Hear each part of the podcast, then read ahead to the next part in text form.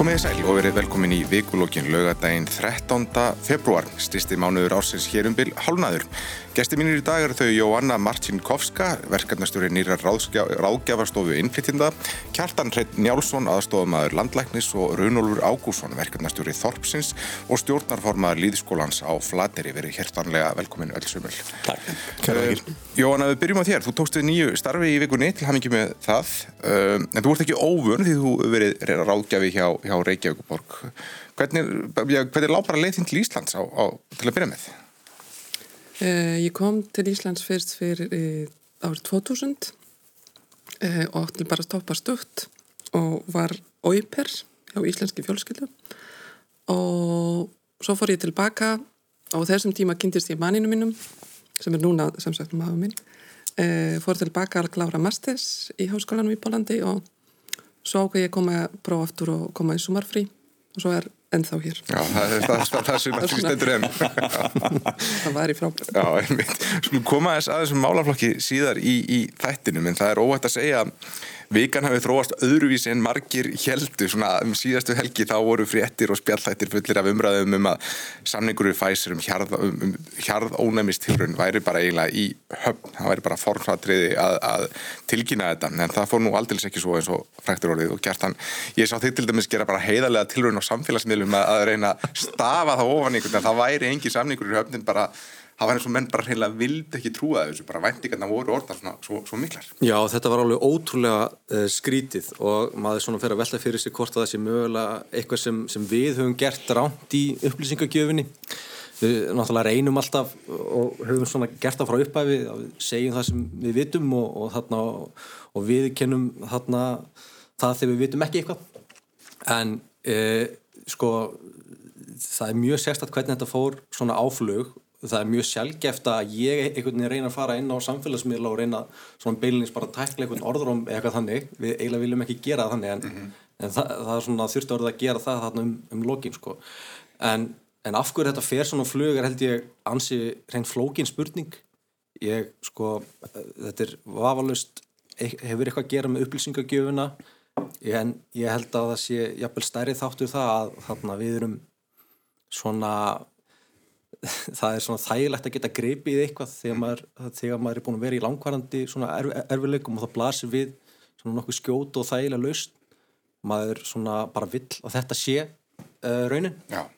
það er mjög eðlilegt.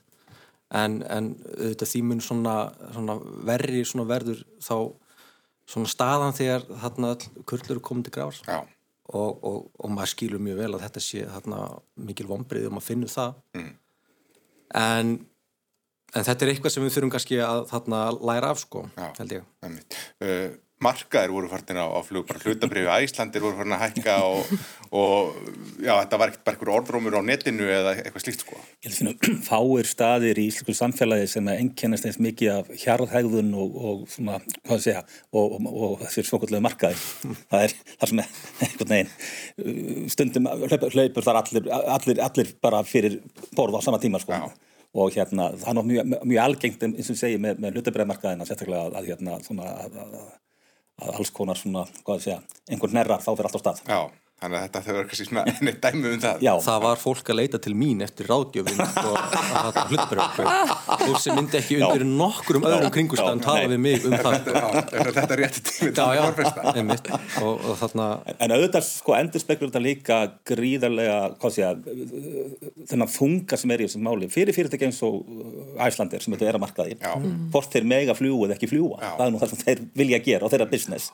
Og þetta ræður bara, þessi rammi ræður umverulega afkomu örlögum þess fyrirtækis mm. og fjöldur annara mm. Hvað segir þú Jóna, var þetta skellur þegar fréttinda komu að, að... Já, ég var alveg pottið að það verður bara að veruleika. Ég frétti frá einhverjum sem þekki einhverjum sem þekki einhverju í díkót og það var bara kári í málum og verður allt afgreit og, og svo heil líka þú veist í útvarpinu það var bara nú, núna eru fundur, núna fáum við vita. Og svo Já. bara allt í hennu bara, nei, ekkert Svo ég held það sé svolítið svona íslenska að það gengur svo vel, Já. við fáum bara allt sem við viljum Já. og það er mjög íslensk og ég menna ef, ef það er eitthvað sem svona kristallar hann okkar svona þjóður mott og veist, þetta reddast, þá, þá er það þetta sko, að það komi hérna einn stór fyrirtæki og bara bólusitjóðu bara að því að, að því við erum svo flott og góð sko. mm. En við vorum, já eins og Kári sagði, eiginlega oflott og góð. Það er eiginlega fórnalum begin árangus. Það hefur gengið svo vel að halda mm -hmm. uh, verinu niðri að, það, að, að Pfizer sá eða ekki tilgangið að bólusetja. En það, það er hins vegar svona, getur bara verið bara tífambiti ástand. Auðvitað og náttúrulega staðan var allt önnur þegar þessar viðræður svona, svona hófust, þessar óformulegu viðræður, þá voru hérna einhver 20-25 smitjábel sko á dag. Þannig að það hefur mikið breyst síðan þetta fór allt saman á stað. En þetta getur auðvitað breyst aftur um, en, en það er algjörlega óráðið og eftir að koma í ljós hvort það verði eitthvað frekari viðræður ef, ef, ef slík staða kemur upp Já. sem ég vonu nú að gerist ekki þetta Þetta, þetta mun rettast Þetta mun á endanum rettast. En hvað, hvað svona eins og um siðferðilega þáttin ímsið velduði fyrir sig hvort það væri hinnlega verjandi að Ísland fengi að fara fram fyrir rauðuna og ára nokkru heimsbyggingar sem skrifuðu greina á þriðvita og veldu fyrir sér nokkru spurningum um þetta hefðu við getað tekið þátt í svona tilröðin með góðri samvisku? Ég held það alveg álust um, sko kannski ekki við þessar aðstæður en það var það ljós sko bæði held ég okkar þarna helstu sérfræðingur sem komið á þessu viðræðum og auðvitað fæsir að, að þetta svona hefði kannski ekki skila svona því svona mikilvæga data sem við þurfum í svona fjóruð fasa rannsókn með bólefni. En hefði aðstæður verið öðru, öðruvísi sannarlega þá hefði verið hægt að svara mjög svona þýðinga miklum spurningum. Um, uh, en svona það er auðvitað eru síðferðilega áleitamál og þau hefur verið mjög svona krefjandi uh, áleitefni hefði þessi rannsók farað stafið þessar aðstæður held ég. Mm -hmm. Ég held að sé nú kannski fyrst og semst hlutverk stjórnvalda hér að tryggja öryggi og helsu eh, okkar sem hér búum já. og það, það að fá bólefni hratt og vel auðvitað bara fellur á því markmiði. Já, já. Vafalega sko. Um, ég, það hefði verið mjög áhugavert að, að eiga þessa umræðu sko þegar, eh, þú veist, ef eitthvað hefði leiði fyrir um hvernig þetta myndi fara fram mm -hmm. það átti eftir að teikna upp þessa rannsókn, þetta er ekki komið þá stík að við vorum komið, eða þau voru komið eitthvað rannsókn og spurningar og, og væri búin að setja upp eitthvað ramma fyrir vísindarannsókn, það var ekki komið þá stík, hefði við komist tanga þá hefði verið mjög brínt og, og, og er mjög áhugavert að eiga þessar þetta samtal um, um þennan siðferðilega hluta málsins mm -hmm og það hefur verið mjög mikilvægt að eiga það samtal mm. en við vorum raun og bara ekki komin á þann stað sko. Mm. Jónu, hvernig er, þú fylgist með umræðinni bara hérna á Íslandi og, og svo í Pólandi, hvernig er, er einhver augljós munur þarna á hvernig við nálgumst hlutina? E, það er mjög mikið umræðið læmis í Pólandi, er ekki bara í Pólandi, í Bandaríkinum og, og Evrópu út af e, hvort við viljum í rauninni fá bólustetningu. Já. Mm -hmm og ég hef ekki tekið eftir þessu svona sterka viðbendingum fólk vilt ekki bólusetja bólusetja sig bara að klára Já. COVID. En, og ég var í samstarfið með almannavarna vegna þess og vorum svona kanna hvernig er bara stað hjá inflytjendasamfélaginu út af bara bólusetningum. Og ég skoði það bara svo ítalega í, í Pólandi og ég, það kom mér svolítið mikið á óvart hvað er mikið svona fólk, fólk er á móti bólusetningu bara svona almennt. Já mm.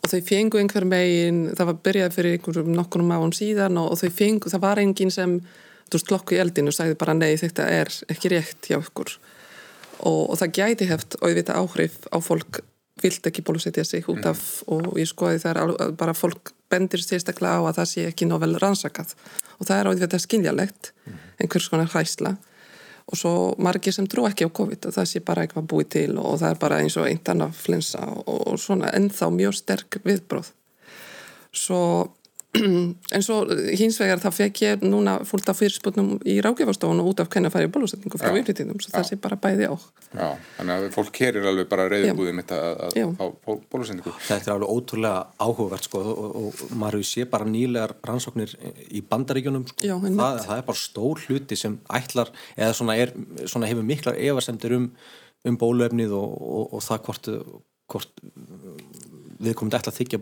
bólusetningu og þetta er svolítið, sko, þegar við höfum verið að skoða þetta hvernig við ætlum að nálgast fólk með upplýsingar og, mm -hmm. og til hvaða hópa við þurfum að ná, við höfum verið að reyna að kanna þetta og höfum átt svona svolítið erfitt með að kortleggja svona viðþorf sérstaklega í innflytjenda samfélaginu mm -hmm. svona til bólusetninga en, en það sem við vitum allavega um það og, og það sem bara svona góð, þarna gaggarinn þekking segir manni um um svona bólusetningar og, og upplýsingagjöf það er það að það er alltaf ákveðin hópur sko, sem, sem, sem afþakkar bólusetningu bara á grundvelli sko, hugmyndafræði eða, eða trúabræða mm. eða og, og undir sko hugmyndafræðina í rauninu fellur sko svona mjög svæstnar samsæðiskenningur þannig við erum aldrei að fara að snúa þessu fólki Nei. upp í það þekja bólusetningu en það er þessi stór hluti sem er svona, með svona ákveðnar efasendir en er hægt að samfara og Já. þar, þar þurfum við að eigða okkar orku sko. En þarna er náttúrulega þessi bandarkum gríðar mikið magna af falsfréttum og raungum upplýsingum uh, á floti. já, já. Svo sá ég líka í rannsóknin eini sem var hérna könnun sem var gert og það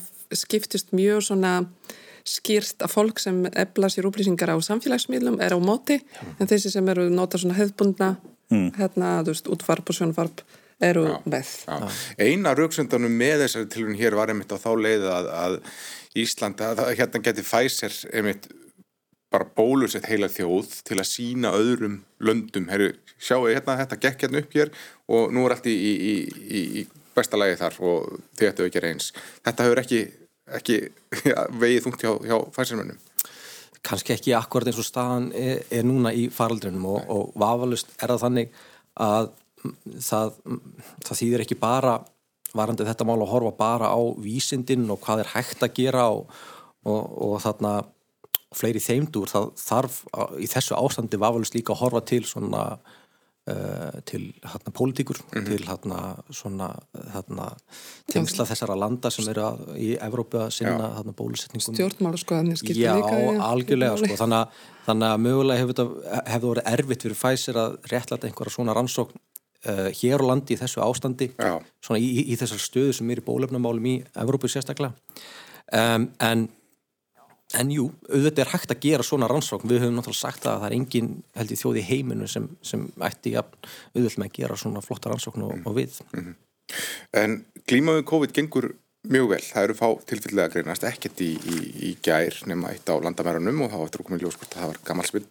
En í fyrra dag þá greindust þetta fjögur smitt uh, innanlands og það varu sem sé landamærasmitt eða það tengdust allir í sumi fjölskyldu, allir í sótkví en það svona minnir á hvað það þarf lítið til að veiran komist aftur á flug og þarf að taka harðar, það þurfa að vera harðari aðgerir á landamærum. Það er náttúrulega það sem Þórlur er að fara að leggja til og skilst hann ætla að gera núna held ég hérna bara á, á næstu dögum að leggja það við hérna ráð þeirra að, að hérna herða aðeins á landamærunum. Mm, það er eitthvað sem þau telja eða hann telur mjög mikilvægt sko. Og ég, ég held meira sig að þarna að, að að þeir sem sinna uh, þessu starfi á landamærunum lauruglu, hérna menn og konu þar sem hafa beinleins bara sagt að það þurfi að gera eitthvað breytingar á þessari reglugjara og þannig. En jú, en núna er markmiðið að passa landamærin og slaka á innanlands Já. og við erum svona strax farin að finna fyrir því. Mm.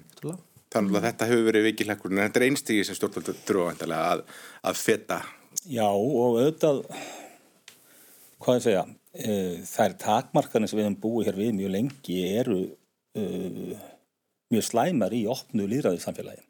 Þetta eru afskaplega þrúandi og heftandi reglur sem að almannavaldi setur okkur sem einstaklingum og okkar aðtapafrelsi þannig að menn þurfa að fara mjög varlega og stiga létt í jarðar. Ég var nú fyrir þeirri ánægulegu reynslu vikunni að ég held að vera þriðutega neikudag eftir vinnu þá fór ég í fyrsta skipti heilt ár uh, á Ölstofu Kormus og Skjaldar og fekk mér kaldan bjór með kunningjónum Já, þá fann maður bara léttin og, og geta verið þarna í klukkutíma og hleyið og gert grín og farið svo heim að sko bara þetta að sko þessi skerðinga get ekki hitt fólk mm -hmm. uh, að við erum í eitt félagsverur þetta er auðvitað ótrúlega mikil skerðing og, og ríkisvaldið þarf að stíga mjög létt til jarðar og fara varlega þetta er vandarsamt mat. Alveg gríðarlega. En náttúrulega til hamingi með bara Bjórin, bjórin. bjórin. Þetta er náttúrulega gríðarlega jákvætt og, Nýji bjórdagur komið.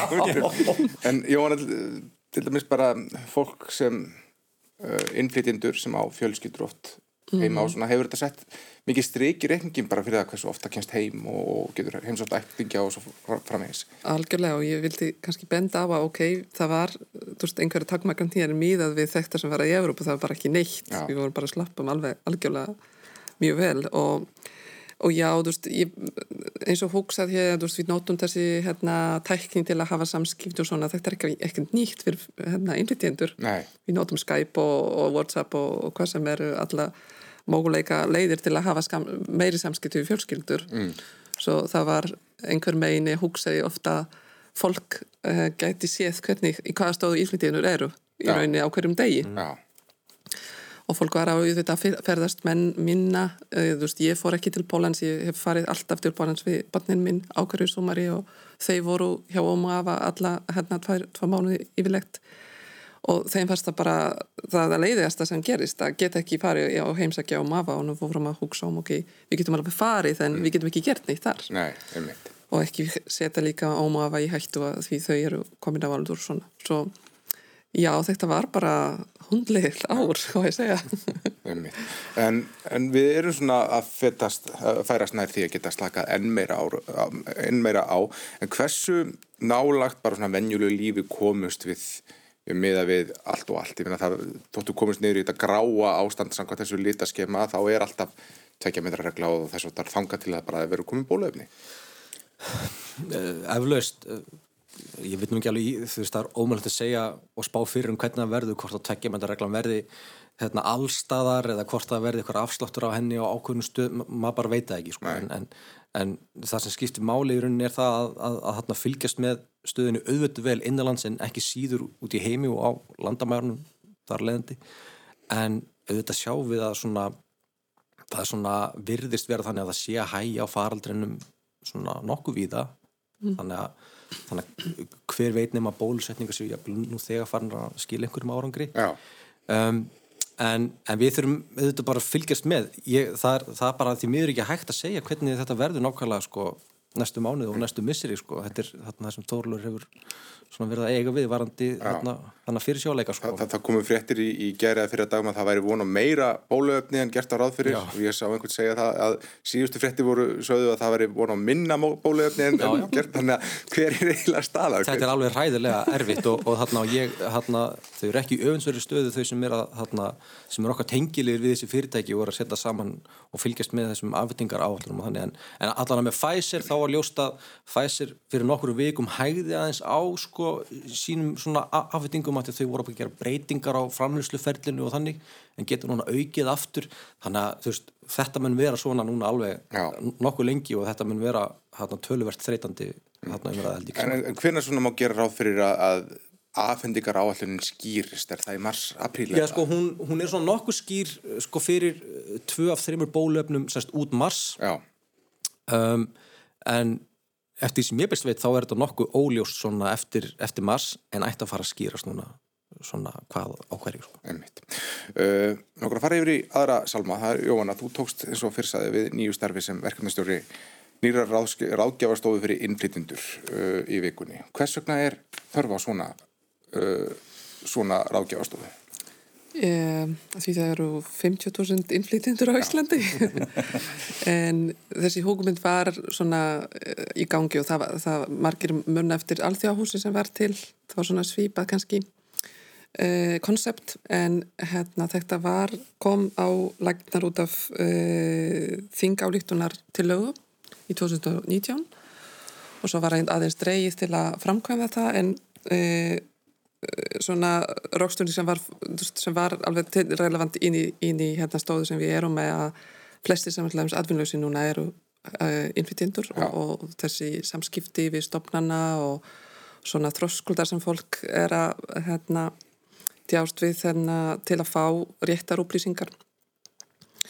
Og ég hef svolítið svona bakgrunn í rágjöf byrjaði 2012 eftir hrúni þegar fólk hérna misti sem sagt er búin að nýta aðleysis hérna bóta tímabili e, og ég eh, fekk vinnu í rauninni Reykjavík upp að því ég talaði íslensku og polsku og, og það var hérna e, mat að það þurfti einhver svona sér aðstöð við sérstaklega pólverja E, og svo vann ég sem ráðgjafi í fjögur ár og fór í meira svona, svona, svona um, stefnumótun og áætluna gerð og, og hvernig getum við í raunni svona, svona breytt gerfi til að hérna vinna meira fyrir meiri fjölbreytilega í samfélaginu ekki bara svona mainstream mm.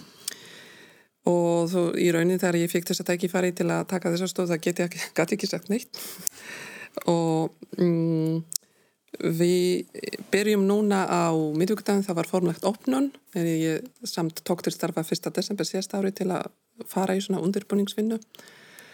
E, og okkar hlutverk aðalega er í rauninni að brúa svolítið bíli Já, bíl að milli uh, fólk í samfélaginu og, og þessi ríkistofnarnir og, og við erum í, í mikið samstarfi bæði við vinnumálastofnun og, og ég sé það svolítið svona sem fjölskylda sem allir að vinna hérna saman og uh, getum beint fólki á reistastad. Við erum ekki að vinna mál fólks en til dæmis einhver hefur samband hérna ég er búin að vera hér í sex mánuði, hvernig skrá ég mér helbriðskerfi íslenska, þar fyrir þess að sérstaklega og svo bendum að það sé súkratrygga Íslands. Mm -hmm. Uh, eða eitthvað sem tengist umsóknum um, um atvinnleysisbætur og bara allt millir hímin og hjartast ég, ég fekk líka eitt mjög skemmtilegt fyrirspunnum uh, ég þarf að, mér langar að finna sem mér maka hvernig gerir það á Íslandi en á þessum tveirum dagum sem var ópið núna á 15. fórstu fengum við yfir 70 erindi já. svo það sé greinilegt mikið starf Þannig að fólk er að kanna réttindi sín og, og, já, og, já. og svona frekar spyrja almenn þá er ekki svona spes í sérstaka svona mjög persónulega böndi en hvernig er ég vil fara í háskóla, hvað þarf ég að gera? Just, En eins og komst þér ná þá er bara efnaðarslegar aflegginga COVID þá, þá hafa þær bytna einna vest á eru, það eru atvinnuleysi komið vestnir og þeim og það svo þar, er það öryggisnett sem, sem velferðarkerfið á að vera er það að grípa þannan hóp? Um, já og nei. Uh, ég myndi segja að uh, fólk sem er búin að vera aðeins lengur og er á aftur sig hvernig við kerfi virkar þau er alveg gripin en hini sem eru kannski vita ekki til dæmis að, það, að þú getur sagt um alvinninsbætur mm. þá er líka fólk sem veist, veit ekki um það ja. þau eru bara skilin eftir Hvernig gengur þessum hópi að fá sín réttind og sína mentun metna? Maður haft á lengja tilfengunni að, að við séum að só alveg gríðarlega mannauð meðal þess fólk sem er að flytja henga út af einhverjum teknilegum hindrunum af því að við erum ekki að mm. meta hæfni þess og þekkingu og mentun. Er þetta ekki rétt tilfinning? Þá er alveg rétt hjá þér og hérna, þá er vísmjöndi aðstöðu. Fólk stundum vilt ekki vinna í sínum en, en flestir og það er alltaf tungumá sem stoppar. Þannig að því sem helbrís hérna, geranum þá er þessi og við erum til dæmis að útskýra það sé ofta að er alveg til dæmis markaður fyrir polska salfræðinga orðið. Mm. Þú getur ekki farið til salfræðings. En nú erum við með kerfi sem að, sko, við erum aðeila efnaðarsvæðinu og það mm. er á að vera frjálst flæði fólks mm. og við erum með sam-evróst mentakerfi -hmm. til og með þetta háskólakerfið er samhæft -hmm. þannig að þetta á að fungera sem heilt. Já. Erum við að nota íslenskuna sem einhverja tæknilega hindrur þannig? Ég vil ekki kannski svara þessu. En maður getur alveg hugsað sér það. Eh, og þú veist, við erum útskýrað þá að veist, þá er engin staður annar staðar á Íslandi til að læra íslensku. Mm. mm. svo það mun taka tíma og við erum að, veist, að reyna líka að benda og það sé líka hægt að veist, ég, ég er búin að all fólk sem er að vinna hjá mér, allir mínir afgefar það er eitt sem er með íslensku og ég gaf ekki, ég, ég sett ekki krófu sem íslensku, þannig að kunnáttu en, en þá er kannski næsta spurning núna þegar svona stór fjöldi er án vinnu. Mm -hmm. erum við þá að nýta þann tíma til þess að veita því fólki þess aðgengi að íslensku námi? Það á að vera það, en er þetta í rauninni hlut bara eini líkit á íslenska samfélag að, að, að kuna íslensku? Ég set þetta spurninga, Já, það er búin að vera mikið umræða og millenska hérna, kunnáttu undarfarna í, í fjölmiðlum. Og þú veist, ég, ég þú veist, alveg stýð við að, að fólk sem vilt búa hér, það, það er það mjög, opna mikið á tekifærum ef þú kann mhm. íslensku mm -hmm. en, en það er ekki bara þetta mm -hmm. þú veist, það má ekki bara rákstiðja nei, nei við að þú talar ekki íslensku mm. Áður en, en leiði runulega að taka þáttinn alveg að gæta kannski beinir til kjartans að e, búa 50.000 manns af Erlendsbergi brotnir á Íslandi. Uh, eru þið til dæmis á landlækni og almannavörnum, eru þið skipulega að reyna að ná til þessa hóps uh, til dæmis bara varandi sóttarnar? Sko við náttúrulega þýðum uh, mjög mikið af því sem við gefum út yfir á önnu tungumál mm. og náttúrulega pólsku og tælensku og auðvitað ennsku en, en við svona þannig við, við gerum okkar besta í þeim efnum sko, eins og með á COVID.is og þannig þá pössum við að hann séu þýðingar og, og síðan náttúrulega eru hann aðri sem sjá um að að upplýsingafundi. Uh, Rúf gerir það náttúrulega mjög vel. En, en maður svona upplifir það að því að ég, ég getum bara tekið dæmi sko, við þarna um, um daginn þá vorum við að reyna við vildum svona reyna að kortleggja hans svona viðhór fólks til eh, bóluefnis við COVID-19 og svona vilja til þess að láta mm. bólusetja sig. Og að því að, þú veist, ok, við, við vitum það að Ís, Ís, Íslendingar eru í, að, að stór hluta til mjög reyðbúin að bólusetja sig en við vitum það að hér er eins og í öllum löndum þá eru ákveðinu hópar sem svona hafa efasendir eða bara jafnvel mun að hafna. Og við viljum svona sjá hvaða hópar þetta eru, hvað við finnum það og þannig. Og en ég, við áttum erfitt með að finna einhverja aðferð til þess að ná til þess að fólks, að við, við vitum að þetta eru uh, uh, uh, innflytjendur á einhverju hluta, þetta er fólk með ákvæmna mentun og þannig. En við áttum svolítið erfitt með að svona kortleggja þennan hóp í einhverju könnun. Þannig að, ok, það sem við þurfum að gera og það sem er mælt með er að, er að við svona, svona fáum leiðtoga í hverjum menningakíma til þess að vera fulltrúi okkar og svona koma á upplýsingum áleiðis bara nokkuð svona, svona skýrt og, og það er eitthvað sem við þurfum að gera varandi bólefninu, við þurfum að virka þessa leiðtoga í, í samfélaginu til þess að svona, tala fyrir hönda okkar inn í, inn í sinn hóp. Já. en þetta er, þetta er, hérna, þetta er ærið verkefni. Já. Og, og, og verður það vafalust hérna áfram en það eru við að sífælt að vera fjölbreyttur og fjölbreyttara samfélag Mhm. þannig að við þurfum alltaf að finna nýja leiðir til þess að ná til fólks og við getum sannlega alltaf gert betur Og þarna í sóttvarnaraðgerðu hlýtur að vera uh, skipta miklu máli að fólk þekki mitt réttindi sín til dæmis það uh, upp á það bara að þú finnur fyrir reynkinnum að það þurfur ekki að hafa áhyggjur af, af launiðin og missi launiðin ef þú þarf að fara í sótkví. Algjörlega og þú veist og ég, þessi COVID ástand syndi í rauninni hvað við vorum ekki tilbúið. Þú veist það var enginn sem eh, fólk er líka ekki vön að það sé einhverja bein sérstaka upplýsingar á. Já. veist það er bara einhver meginn sína bublu og veist þetta sem við viljum við viljum að fólk tekur þátt, í samfélaginu og, og veist vilt vita hvað er í gangi og þá, ég var myndi að benda á þetta í voru að það var, vorum ekki beininu svona samskiptaplattform fyrir fólkið á verðlum uppruna Já, þannig að það hefur, já, hafa árið þá framfærir í þá Algjörlega, Já. algjörlega. Það er bara mikið úrbætur og líka þú veist síðan ég byrjaði þetta um 2012 ég sé, núna þegar ég byrja svona að skoða vefsíður, skoða upplýsingar það er miklu meira þýtti fyrir mm -hmm. að minnstakosti á ennsku. Einmitt. Um, Eru að hlusta á vikulokkin, gesti mínir eru Jóhanna Marcinkovska, Kjartan Hreit Njálsson og Runolur Ágússon. Um, við nokkru að fara hans yfir í húsnæðismál sem voru nokkuð í fréttum í, í vikunni og flestir greiningar aðalega er að spá því að húsnæðisverði eftir að fara hækkandi og það verður að segjast að aðgerri stjórnvalda hafa að mörguleiti komið sér vel fyrir húsnæðisegjandur. Það eru læri vextir, ódýrar að taka lán sem ítur undir eftirspurn og það hefur hækkun í förmið sér, gott mál fyrir þá sem eiga hús og eigið fyrir hækkar og, og, og það allt.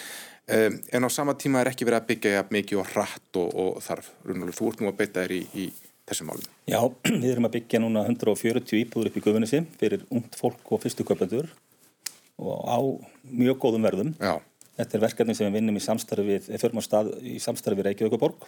Þannig að ódýrustu íbúðunar hjá okkar eru undir 20 miljónum. Uh, fjára herbyggja íbúð eru á 36-8 miljónir cirka. Þetta eru litlar og velhannar íbúðir sem hendar sem markaði. Þetta er uh, eftirspurnin þrjá fjórföld hjá okkur. En við sjáum það sko að framundan er, er niður sveifla í byggingu á nýjum íbúðum. Það er takmarkalóða frambóð, skipulags, það sem verið að skipulegja með stór hverfi eins og út í hérna skerjafyrði og upp á ártúns höfða, en þetta tekur allt tíma. Uh, Það sem, hefur, sem, það sem er jákvætt auðvitað eru nýju hluteldarlánin sem að gjör breyta raunverulega aðstöðu ungs fólks til þess að eignast eigi húsnæði. Og var nú bara að rósa félagas og húsnæðismálar á þeirra fyrir hans framgöngi í því máli, þetta er vel gert, þetta er mjög mikil breyting á húsnæðismarkanum sem þýðir það að ríkilöfumurlega kemur inn og lánar ungu fólki eigi fjö til kaupa í tiltekinn tíma. Þannig að ungt fólk sem að segjum eins að vera að kaupa íbúð hjá okkur uh, það, uh, þá hópur sem getur gert það uh, stækkar verulega Já. og þarf ekki eiginum með 5% í útborgun sem þýðir það að, að, hérna, að, að fyrir 30 miljonar krónar íbúð þá er það orðið sko, fjármunni sem er á leiðir fyrir marga já, Uh, Þetta er allt mjög jákvæmt en það skortir íbúðir og íbúðamarkaðurinn er mjög sveflukendur. Hér fyrir tveimur árum var sko yfirflott af íbúðum mm. og þær voru hins var langt flestar stórar og dýrar og seldust ekki og þarna vantar svolítið að synka saman markaðinn og frambúðið. já og líka kannski bara já, yfir sínuna, yfir því hvað er verið að, byggja Já, mögulega líka. Já. En þarna auðvitað er bara líkil atriði að það séu mjög fjölbreytilegir kostir í bóði flestir vilja og kjósa að búa í eigin húsnaði og það fyrir að gera ungu fólki það kleift. En svo eru líka margir sem vilja bara búa í leiguhúsnaði Já. og það fyrir auðvitað að koma eitthvað, vit á það leigumarkað og mm. sko, leigar gríðarlega há og við ætlum sjáum að fólk sem er að kaupa hjá okkur íbúðir húsnaðiskostnaðu þess er að lækkum kannski meira en helming mm. þegar að fer af leigumarkaði yfir að, borga af og reka í íbúð Mm. Þetta eru þetta risastórt mál fyrir innflytjendur. Við hefum að því frá ASI að, að alltaf 7000 manns búa í ósamtektu húsnæði. Um, já, ver, ver, hefur þú orðið mikið vörð við þetta í þínum störfin?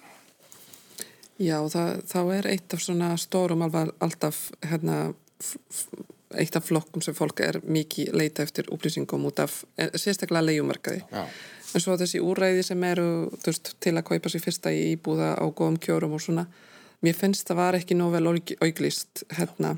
Svo veist, fólk sem tala kannski ekki góða íslensku, tala ekki ennsku, þau, þú veist, það var einhver svona frétti sem ég sá, einhver var að setja inn en það var alveg mjög almennt og fólk var ekki átt að segja á hvernig það er gert og af hverju, ég veist því sjálf það getur, ég kannski var ekki að leita og ekki áhuga á, en, en einhver megin, hvort það væri hægt að bara svona búa til meiri skól svona rágjöf í kringum þetta að þú veist, gefa fólk ráð hvernig er hægt að gera það og, og svo leiðis og já, og, og ósamþygt húsnæði þá er það í rauninni innflytjendur sem eru frekar að sætta sig við einhver svona óviðeigandi aðstæður að því þau eiga bara enga aðra leið, þú veist engi móleika til að í rauninni átta sig á að það sé.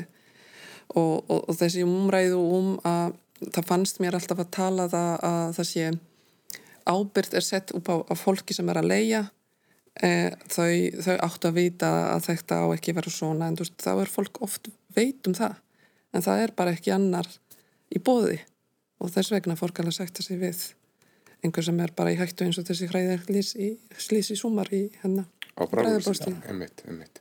Kjartan, þetta er, nú, þú varst í fréttamennsku áður en þú varst í, í, í fórst í landlæknis og alltaf búið að tala um þessi húsnæðismál mjög lengi. Og aldrei verist vera svona einhvern veginn, aldrei er heildalustin komin. Nei, nei, þetta er auðvitað mjög sorgleik ég hérna, mér þess að fjallaði sérstaklega um, þarna vorum fréttaskýringa þátt á stöðtöfu í gamla dag þar sem við vorum að skoða uh, ósamþitt húsnaði og um, þetta þess að verið þannig að, að, sko, að, að, slökkulið á svolítið erfitt með að, þarna halda utanum hvar fólk býr. Því að verða að hafa þessar upplýsingar ef eitthvað kemur upp á eins og, eins og við sá þarna í þessu hræðilega brunna en, en þetta er auðvitað, það er eitthvað ástæð fyrir að fólk lendir í, í þessum aðstæðum. Það er eitthvað, það er eitthvað brostið í þarna, okkar, okkar kerfi að fólk þarf að þarna, búa í, í húsnæði sem er þarna, jafnvel hættulegt. Það er aðeins að fá hoppið nettar þetta er líka þetta sko uh, reglukerfið um húsbyggingar. Þar sé að frá því maður byrjar að byggja þannig til að einhvern veginn flutt inn er óheimju flókið Já. og skipularsferlið er óheimju langt og þetta er bara mjög erfitt umhverfi að vinna í. Uh, og við séum þetta líka vestra bæðarbakastíg þorpir endar áorðið þá eign Já. og við erum að hefja byggingu þar. Að við vildum þetta vera komin á stað með niðurrif og uppbyggingu fyrir löngu en þetta, bara, þetta er svo þunglamilegt stjórnkerfi, bæði borgar og byggingareglugerðir og annars sem þeir þurfa þar eftir. Og það væri hægt að strömlínu laga þetta og samhafa miklu betur Já. þannig að dæmis, frá þeim tímapunkti þegar bara borgin ákveður það byggja upp nýtt hverfi þanga til að það er byrjað að byggja og svo flutt inn það verður þetta stitta þennan tíma verulega bara með því að leggja staðins yfir og samhæfa verkferðla mm. þetta er ótrúlega þunglamilegt og, og sent Já, mennur eru alltaf á leið og stað í þetta fyrir hverju kostningar þá að þetta, þetta, Já. er, þetta er eftir stefnusgröfni, einfalda kerfið og svo leiðis Já. og Ég er ekki að slá, um- tala um að slá af gæðum eða kröfum, nei. þetta er bara uh, slípa til stjórnstofstuna Já, það segði mér aðeins hvað þið ættist fyrir í þessu húsnæði, þið ætla að byggja nýtt hús en það verður já, aðeins fyrir konur.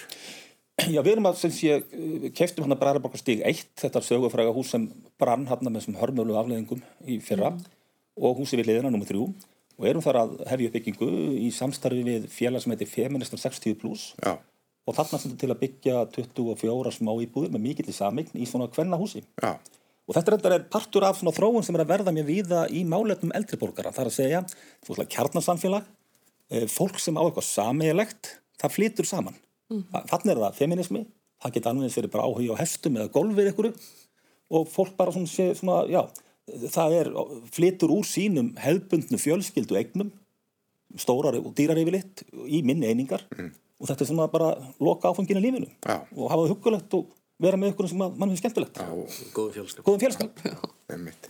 Um, en það eru þetta framkvæmdir í gangi en, en alls ekki alltaf sko hart tekist á hvernig á að vera þessi þéttingastefna, hún hefur verið uh, umdeild og við sjáum bara í Kópó við til dæmis í Hamraborg að það er hart tekist á um, um hvernig, hvernig ég að byggja hana Hefur þú sett eitthvað inn í það, Kjartan? Ekki nógu vel sko. Nei. Ég, hef náttúrulega sé- fylgst með fréttum af þessu og þetta er allt saman mjög áhugvært en aðalega kannski á að heyra hvað raunalur hefur að segja. um Hamaraborgina Já, Hamaraborgin er auðvitað merkilegt fyrirbyrð og reyndar sko skipilast máli í Kópavogi sem að bara, ef maður horfur á því svona með smá íróníu sko. Þetta var þannig að, að allþýði bandalegið réði Kópavogi í gamla dag og, hérna, og þeir gömlu komandir byggðu hérna sinn miðbæ Já. svolítið í svona austur þýskum stíl Hamaraborgina svo tekur sem sé sjálfstæðismenn við og þeir byggja sinn miðbæ í amerískum stíl sem smáralindin og nú veginn að svona öllu. Og þessar hugmyndir um Hamraborgin þetta er bara mjög spennandi finnst mér. Það er að segja við erum þetta að fá þessa tengingu með borgarlínunum þarna yfir í Kásnesið og þá er orðið mjög stutt úr Hamraborginni hér nýr, bara nýr í bæ og þarna eru bara mikil tækifæri fyrir Kópavó og, og, og, og höfbrukarsvæðis mm.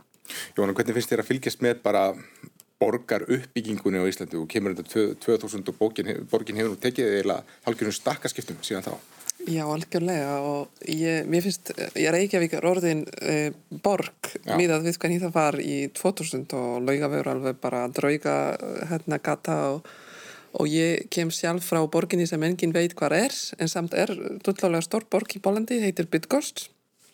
Mjög fáir geta sagt þetta nafn meira að segja. En, og ég bjó alltaf í miðbænum bara á aðurgotunni og það var svolítið svona skrítin að flytja hér og, og segja að ég bjó, er að búa í, hóp, á, hérna, í hóf, hófborginni Já, svo fyrir mig er Reykjavík orðin eftir þessum breytingum í hérna e, í miðbænum það finnst mér að ég sé orðin þessi þetta er borg ekki einhvers konar bæ. Já, Svo, já og ég, mér, finnst, mér, mér finnst hérna Kópavur hugmynd bara mjög spennandi líka og ég bara hlakka til að sjá að því ég, ég skildi ekki al, al, alveg þennan skipulægni í, í Ekki ég einu veit það, var ekki eitthvað útlist ég hlakka mjög, ég hlakka mjög mikið til borgarlínu líka og geta orðin hérna, hætta, ég notaði mikið strætu á síðustu tvo ár og það var svona upp og nýður Já. en, en uh, treysti mér ekki alveg í strætu núna. Nei. svo ég bara alveg bara hlakka mjög getur. En við mitt borgarlínan sem á að, já, menn eru að fara að byrja núna, þú hefur verið með hugmyndir Runalfur um, um lest til Keflavíkur. um, stiður borgarlína við þær hugmyndir eða, eða Já, sko, það má sér segja að samgöngu vandi höfuborgarsvæðisins sé eiginlega sko annars vegar ásinn miðborg uh, uh, Kjarnaholt, Já, Árstúnsbrekkan, Miklubrötin, uh, Sæbrötin, þessi, þessi þungi ás og þessi fyrsti leggur borgarlínunar náttúrulega er að létta á þessu öllu já, sem er örglega að virka vel. Hinn megin ásinn er þetta hafnafjörður miðbær og þar eh, velti ég fyrir mig hvort að borgarlínan sé rétta leiðin. Hún á ekki að koma út í hafnafjörður fyrir eftir 2030 held ég, mjög seint.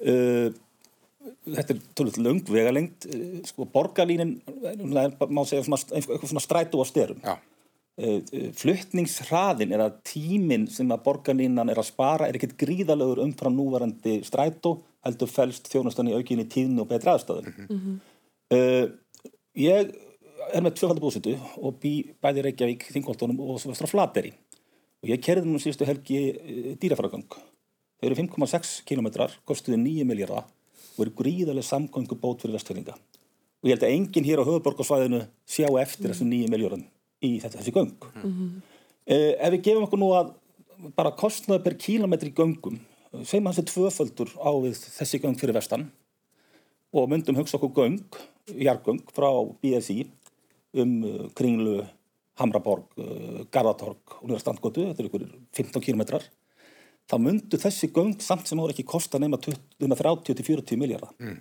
sem er ekki stór fjárhæð til þess að raunverulega búa til metrókerfi uh, milli Hafnarfjörður og Reykjavíkur þar sem fólk getur ferðast á einu með tíu myndum mm. á það milli uh, þessi göng mættu síðan tengja við lestur Keflavíkur Sipu og gestir í Noregi í Oslo og þá myndu erlendi ferðarmenn greiða stóran hlut á kostnaði. Mm. Þannig að sko, það að eða kannski 50 miljardum í það að leysa þennan samgöngu vanda höfburgarsvæðisins með svona afgerandi hætti minnst að góður ástónu almannafíð og ekki stór fjárhæð. Og landkrúsirarnir í Garðabæ þeir geta kert á... Þeir bara fá að kegra áfram að yfirbúrðu. Það kostur við göngin að þau létta á umferð á yfirbúrðu jarðar en Uh, þrengi ekki að henni eins og borgarinn vissilega gerir á köplum. En, en áhverju hefur, það er nokkur ásíðan læstarhugmyndin kom fram, áhverju hefur þetta strandað? Uh, Svo hugmynd uh, strandaði í Hafnafjörði þar sem Hafnafjörður hefur ekki viljað afgreiða samstarfsamning við félagi sem stendur á baki þessari framkvæmd mm. um skipilásmál ja. mm. og ástæðu þess kann ég ekki að skýra en, en, en þetta verkefni hefur verið stopp í 2-3 ár ja. En eins og ég held að þarna verður tækifæri til þessum, þessum hætti með því að samtvinna það við samgöngum hér innan höfbrukarsvæðisins að ná miklu meiri árangri mm. Heldur en með borgarlínu legg Reykjavík Hafnarfjörður. Mm. Kjartan, það eru svona, maður setur í hillingum, geta ferðast með einhverju lestakerfi innan, innan borgar. En... Ég, ég bý hérna lengst upp í Hafnarfjörði og þarna tek reglulega strætó þarna nýri bæ, það sem ég vinn. Uh, borgarlína myndi örgulega breyta ímsu uh, fyrir mig það er því hérna, held ég þægilega að fara og allt það en, en kannski sko, sko ég treysti færi fólki til að taka góðar og, og skinsamar ákvarðanar um þessi mál.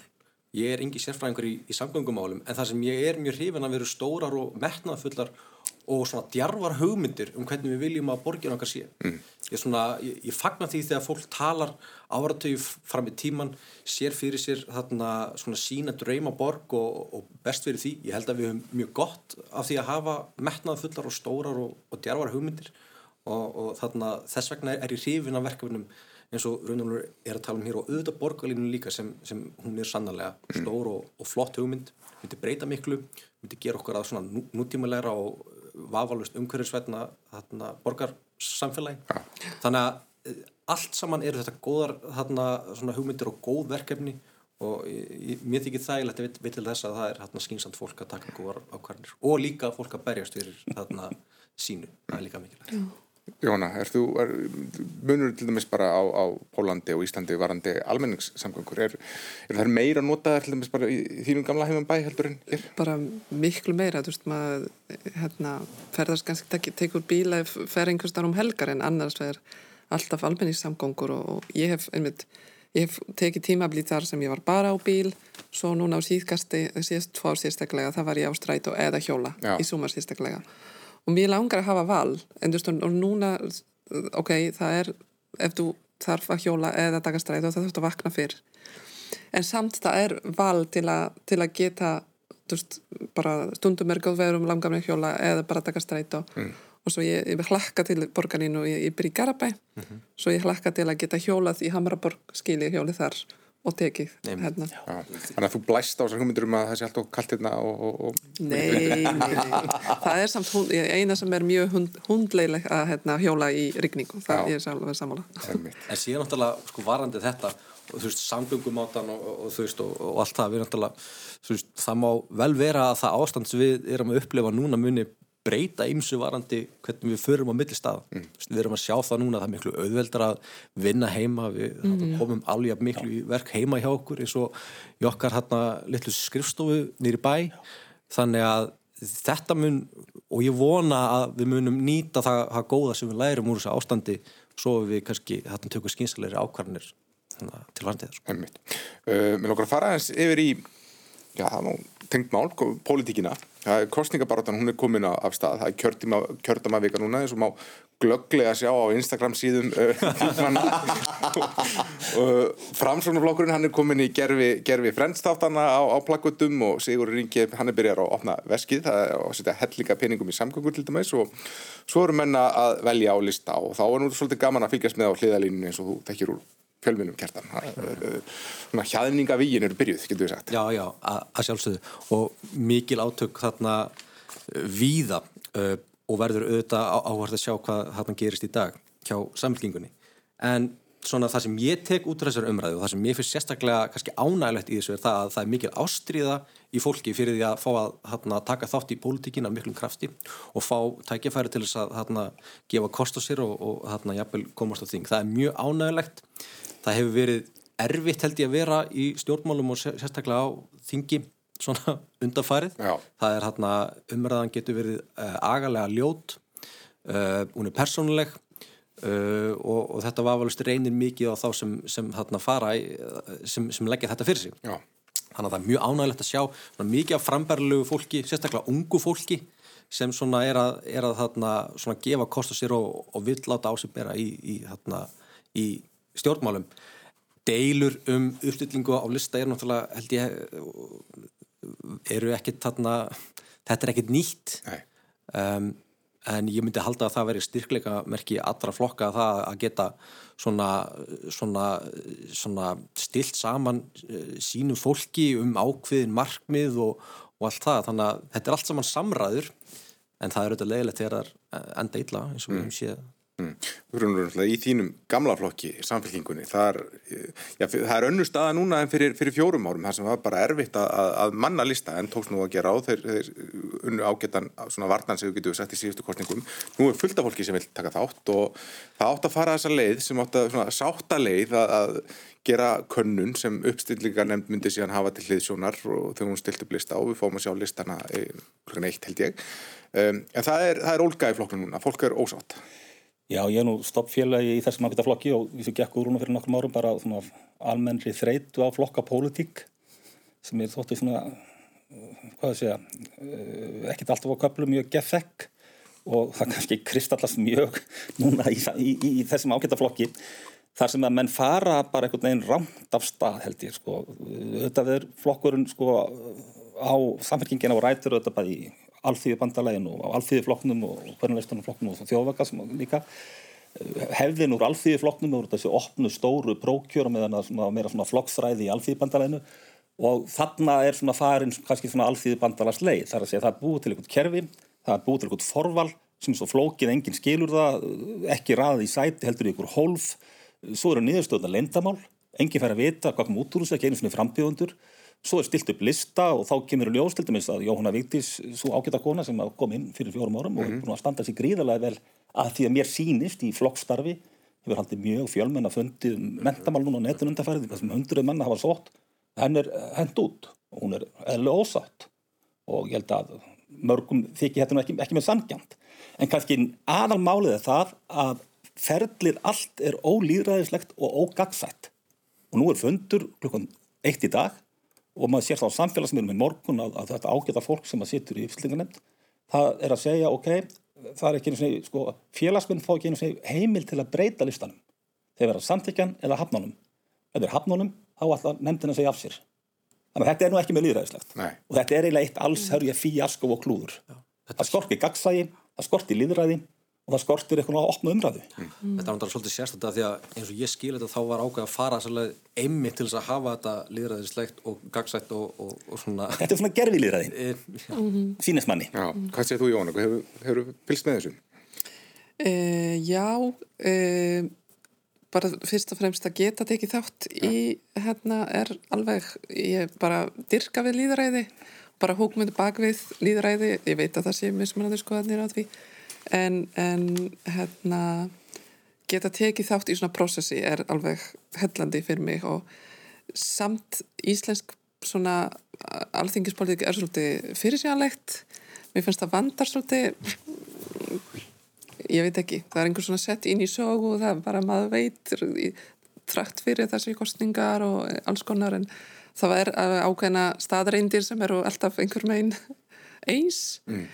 E, og ég er alveg samála, samála með þetta sem segir með samflingingin og, og hérna, þú veist hver er það líðræði ef við erum að stilla upp alla lísta og segjum bara þá að vera svona eða ekki svona Mm. Þá náttúrulega eiga fleiri flokkar eftir að, ég menn, það verður tekist um áttundarsæti í fleiri flokkum, það er stefnin allt í það og maður sé líka að það eru, menna, Rósa Björk fór Vafgi yfir í, í, í samfélkingu, Andris Ingi mm -hmm. Jónsson er komin yfir í Pírata úr Vafgi um, þrörskuldurinn svona milli flokka er kannski ekki jafn hár og menn hafa viljað vera að láta. Nei, eflust ekki.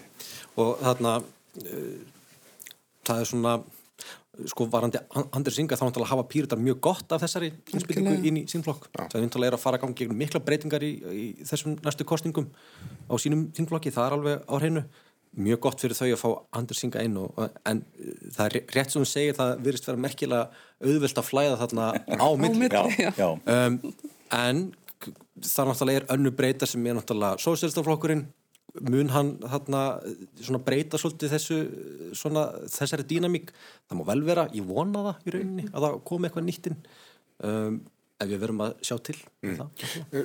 Aftur, það eru 50.000 innflytjendur á, á Íslandi. Er leita, leita flokkarnir í ykkar raðir af, af, af fólki? Já, ég hef mjög, ég, ég er ennþá að býða eftir að hvernig einhver flokkur að fatta að það sé svo mikið hérna, þau geta fengið svo mikið stuðning út út frá bara innflytjum og auðvitað það sé óðruvísi aðeins en í sveita stöðkostningum þar sem þarf ekki að hafa ríkisborgið, það ekki- ekki allir sem eiga ríkisborgið og rétt til að kjósa en samt þá er um, þessi innflytjendamál er alltaf mjög umdelt í kostningabaráttunni, það eru frekar nota sem neikvæð sérstaklega allavega í Danmark og Norðurlandum sérstaklega núna, eða þú veist, undarfanna og, og ég, ég, ég bara byð eftir einhvern sér að það sé bara svo mikið fjársjóður og svo mikið tækifæri eh, til að í rauninni fá innflyttum með sér. Og ég, ég vorum mikið að pæla í, ég var svolítið svona í líðræðisverkanum líka í Reykjavík hvað gerist að fólk er uh, telja að, að kjósa í, í landi sem þau veist,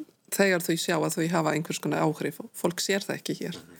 Svo þess vegna er kannski ekki markhópurinn hjá mörgum að hérna að, að reyna að ná í til til innflytjenda. Mm, ég, ég býð spennt. En það er ekki bara í sérframbóðið og fyrir ekki bara fyrir frambóðið nýra Íslandinga og minna, 20.000 atkvæði þarna sem lengja lausur.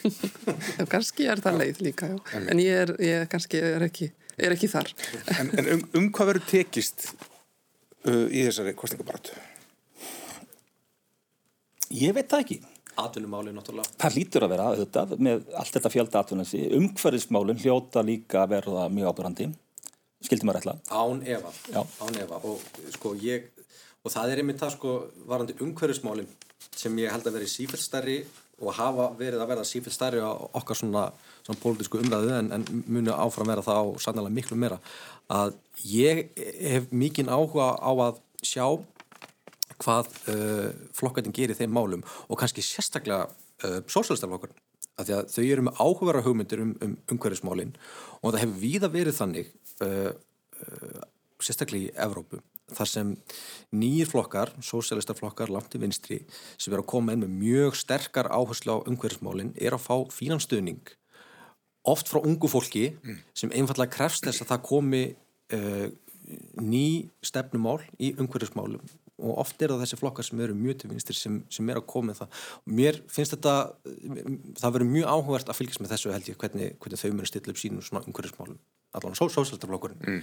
en auðvitað eru allir flokkarnir með augan á, á þeim bolta en atvinnuleysi held ég sé svona það sem mun svona svolítið skera órum það. En er ekki, finnir þið ekki þá, landlækni, fyrir svona auknum þrýstingi að það, bara, það verður að leysa þetta, bara bólefni verður að vera komið fyrir kostningar? Sko ég held, sko, sko, þarna, ég get ekki sagt hvort að það sé eitthvað þrýstingur þarna beinlinis um það, en þó svo að það væri yngar kostningar í ár, þá væri þrýstingurinn öruglega álíðat mikill á að klára þessum allar fyrst. ég, ég, sko, það náttúrulega er augljóst að við, að, að það er gott að vera búin að bólusetja þjóðina þegar það eru þingkostningar. Það bara er augljóst mál, sko. En En, en nei, ég, ég held að nú ekki þannig þrýstingur, það er bara það að þe- þetta þurfa að ganga hratt og vel, vel fyrir sig sko, en við viljum auðvitað sem flesti geti kosið með þarna auðvildum hætti. Það er nú aðalmál má ekki búast við bara, verður ekki ágætt að taka við já, hvað, hvernig ríkistort sem myndast, það getur verið flókið að myndana eða það er fleiri en þrjáflokka til þess að gera það og svo framvegis, en ef við gefum okkur það að það rætist sem menn svo Kári Stefánsson hafa spáð að um mitt ár verður kannski búið að, að bólust þetta þorra manna að, að verði lítið snarpur viðsnúningur og er ekki bara ágætt að taka við stjórnartaumanum í slíku ástandi Jú, örglega, sko, ég held að leitra að ferðarmennskan komi miklu hraða tilbaka þetta menn, menn, menn eh, gera ráð fyrir. Það er, sko, við erum að lesa okkur á greiningu, ég man ekki nákvæmlega á einhverjum erlendur miðliðum, í hvað erlendir ferðarmenn möndu sækja eftir COVID. Þeir eru að sækja aðstöður það sem er reynlegt er gott og þóttvartin góðar. Þeir eru að sækja út úr stórborgunum, út í víðernin og svo er rosalega mikið af skemmtifærðarskipum verklausum sem að menn spá því að muni fara mikið inn á heimskotasvæðin. Mm. Allt þetta á að tekka með okkur. Já. Þannig að ég held að þarna sé framtíðin björt. Hins vegar með kostningarnar þá held ég líka byggðamólin. Ég skynja það bara fyrir vestan. þar er þungi mm.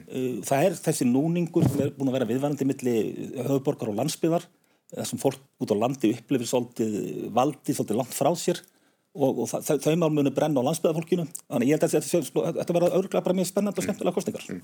Hvað vorum þú að verði sett á áttin, Jóhanna, í kostningunum? Í þessi veist, bara taka titill til, til hérna, alla hópana, ekki bara þessi staða yfir 40% af öllum hérna, atvinnum sem eru innflytjendur er ekki nýtt Nei, þetta er búin að vera mörg ár. Já, og bara upplifuru ykkur sem bara afskiptan hóp í pólitíkinni? Mm, Ég veit ekki. Já. Það tekja þess að breyta því. En tíminn er búin hjá okkur við hefum örfáar sekundur eiginlega eftir til þess að rétt að fara yfir hvað ætlaði að gera um helgina, Rúnúlur Þorrablóttu kvöld. Þorra... Já, Já. stúdungur í streymi stúdungur sem séða Þorrablótt flateringa ég var þar í nefndin í ár þannig að við tókum blótu upp um síðustu helgi og það verður streymt í kvöld og fólk hittist í bara stúdungskúlum og fær Þorrabakkan heim og, horfir á og nýtur. Já, hljóma vel, kjartan hvað að gera um helgina Já. þá fyrir utan það frá öllstofun og... Eh, nei, róleg helgi á mér. Þarna, það litla frí sem maður fær það, maður nýtið það með þarna börnunum Já. og þarna ætlum við leiðum ekki einhverjum krökkum að gista hjá okkur nótt og, og verum bara með eitthvað, eitthvað veist Gera sem minnst, Jóhanna, hvernig var helgið þín? Bara líka svona félagsleg ég fór í leikurs í gær. Fyrir uh, eh, núna hennar í háttegin að borða með vinkunu og bara býsa kvöld í kvöld held ég. Hljóma vel, kæra þekki fyrir komuna Jóhanna Marcinkovska, Runolfur Ágússon og Kjartan Reynd Nálsson og hafið það gott um helgina. Takk fyrir Kæra þekki